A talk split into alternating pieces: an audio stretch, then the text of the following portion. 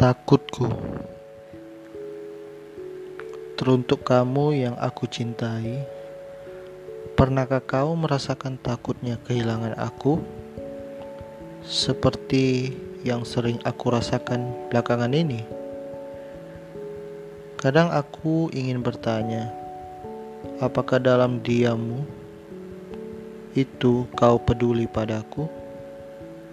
Apakah ketika aku sibuk dan tak menyertakan dirimu, kau tidak bermain di belakangku?